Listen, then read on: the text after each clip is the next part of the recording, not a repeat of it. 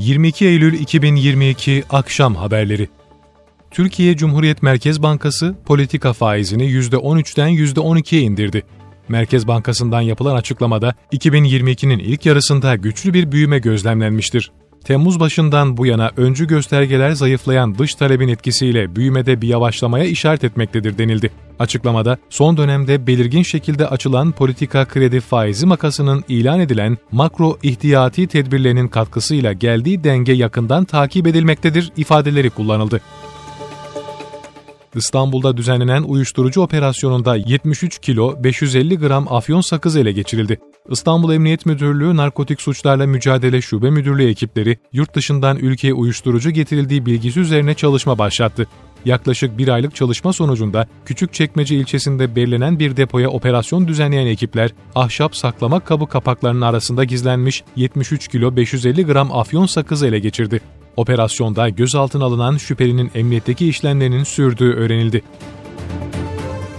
Bolu Dağı'nın D100 geçişinde sis etkisini gösteriyor. Geceden bu yana sağanağın yaşandığı bölgede sis nedeniyle görüş mesafesi azaldı.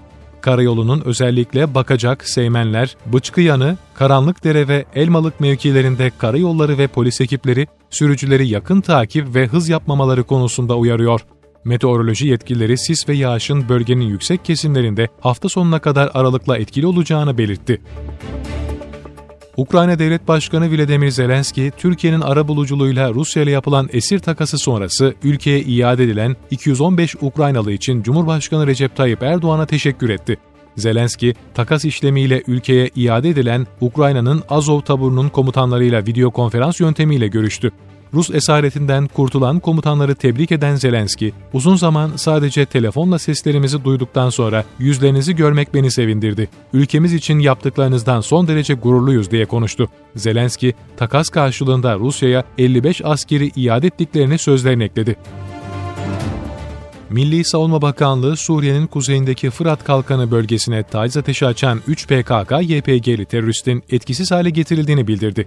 Bakanlıktan yapılan açıklamada terör örgütü PKK-YPG'nin Fırat Kalkanı bölgesindeki huzur ve güven ortamını bozmasına izin vermeyeceğiz. Kahraman Türk Silahlı Kuvvetlerimiz Suriye'nin kuzeyindeki Fırat Kalkanı bölgesine taciz ateşi açan 3 PKK-YPG'li teröristi etkisiz hale getirdiği ifadeleri kullanıldı.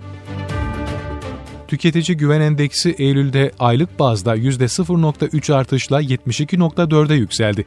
Türkiye İstatistik Kurumu, Eylül ayına ilişkin tüketici güven endeksi verilerini açıkladı. Buna göre TÜİK ve Türkiye Cumhuriyet Merkez Bankası işbirliğiyle yürütülen tüketici eğilim anketi sonuçlarından hesaplanan mevsim etkilerinden arındırılmış tüketici güven endeksi Eylül'de geçen aya göre %0.3 arttı. Ağustos'ta 72.2 olan endeks bu ay 72.4 olarak kayıtlara geçti.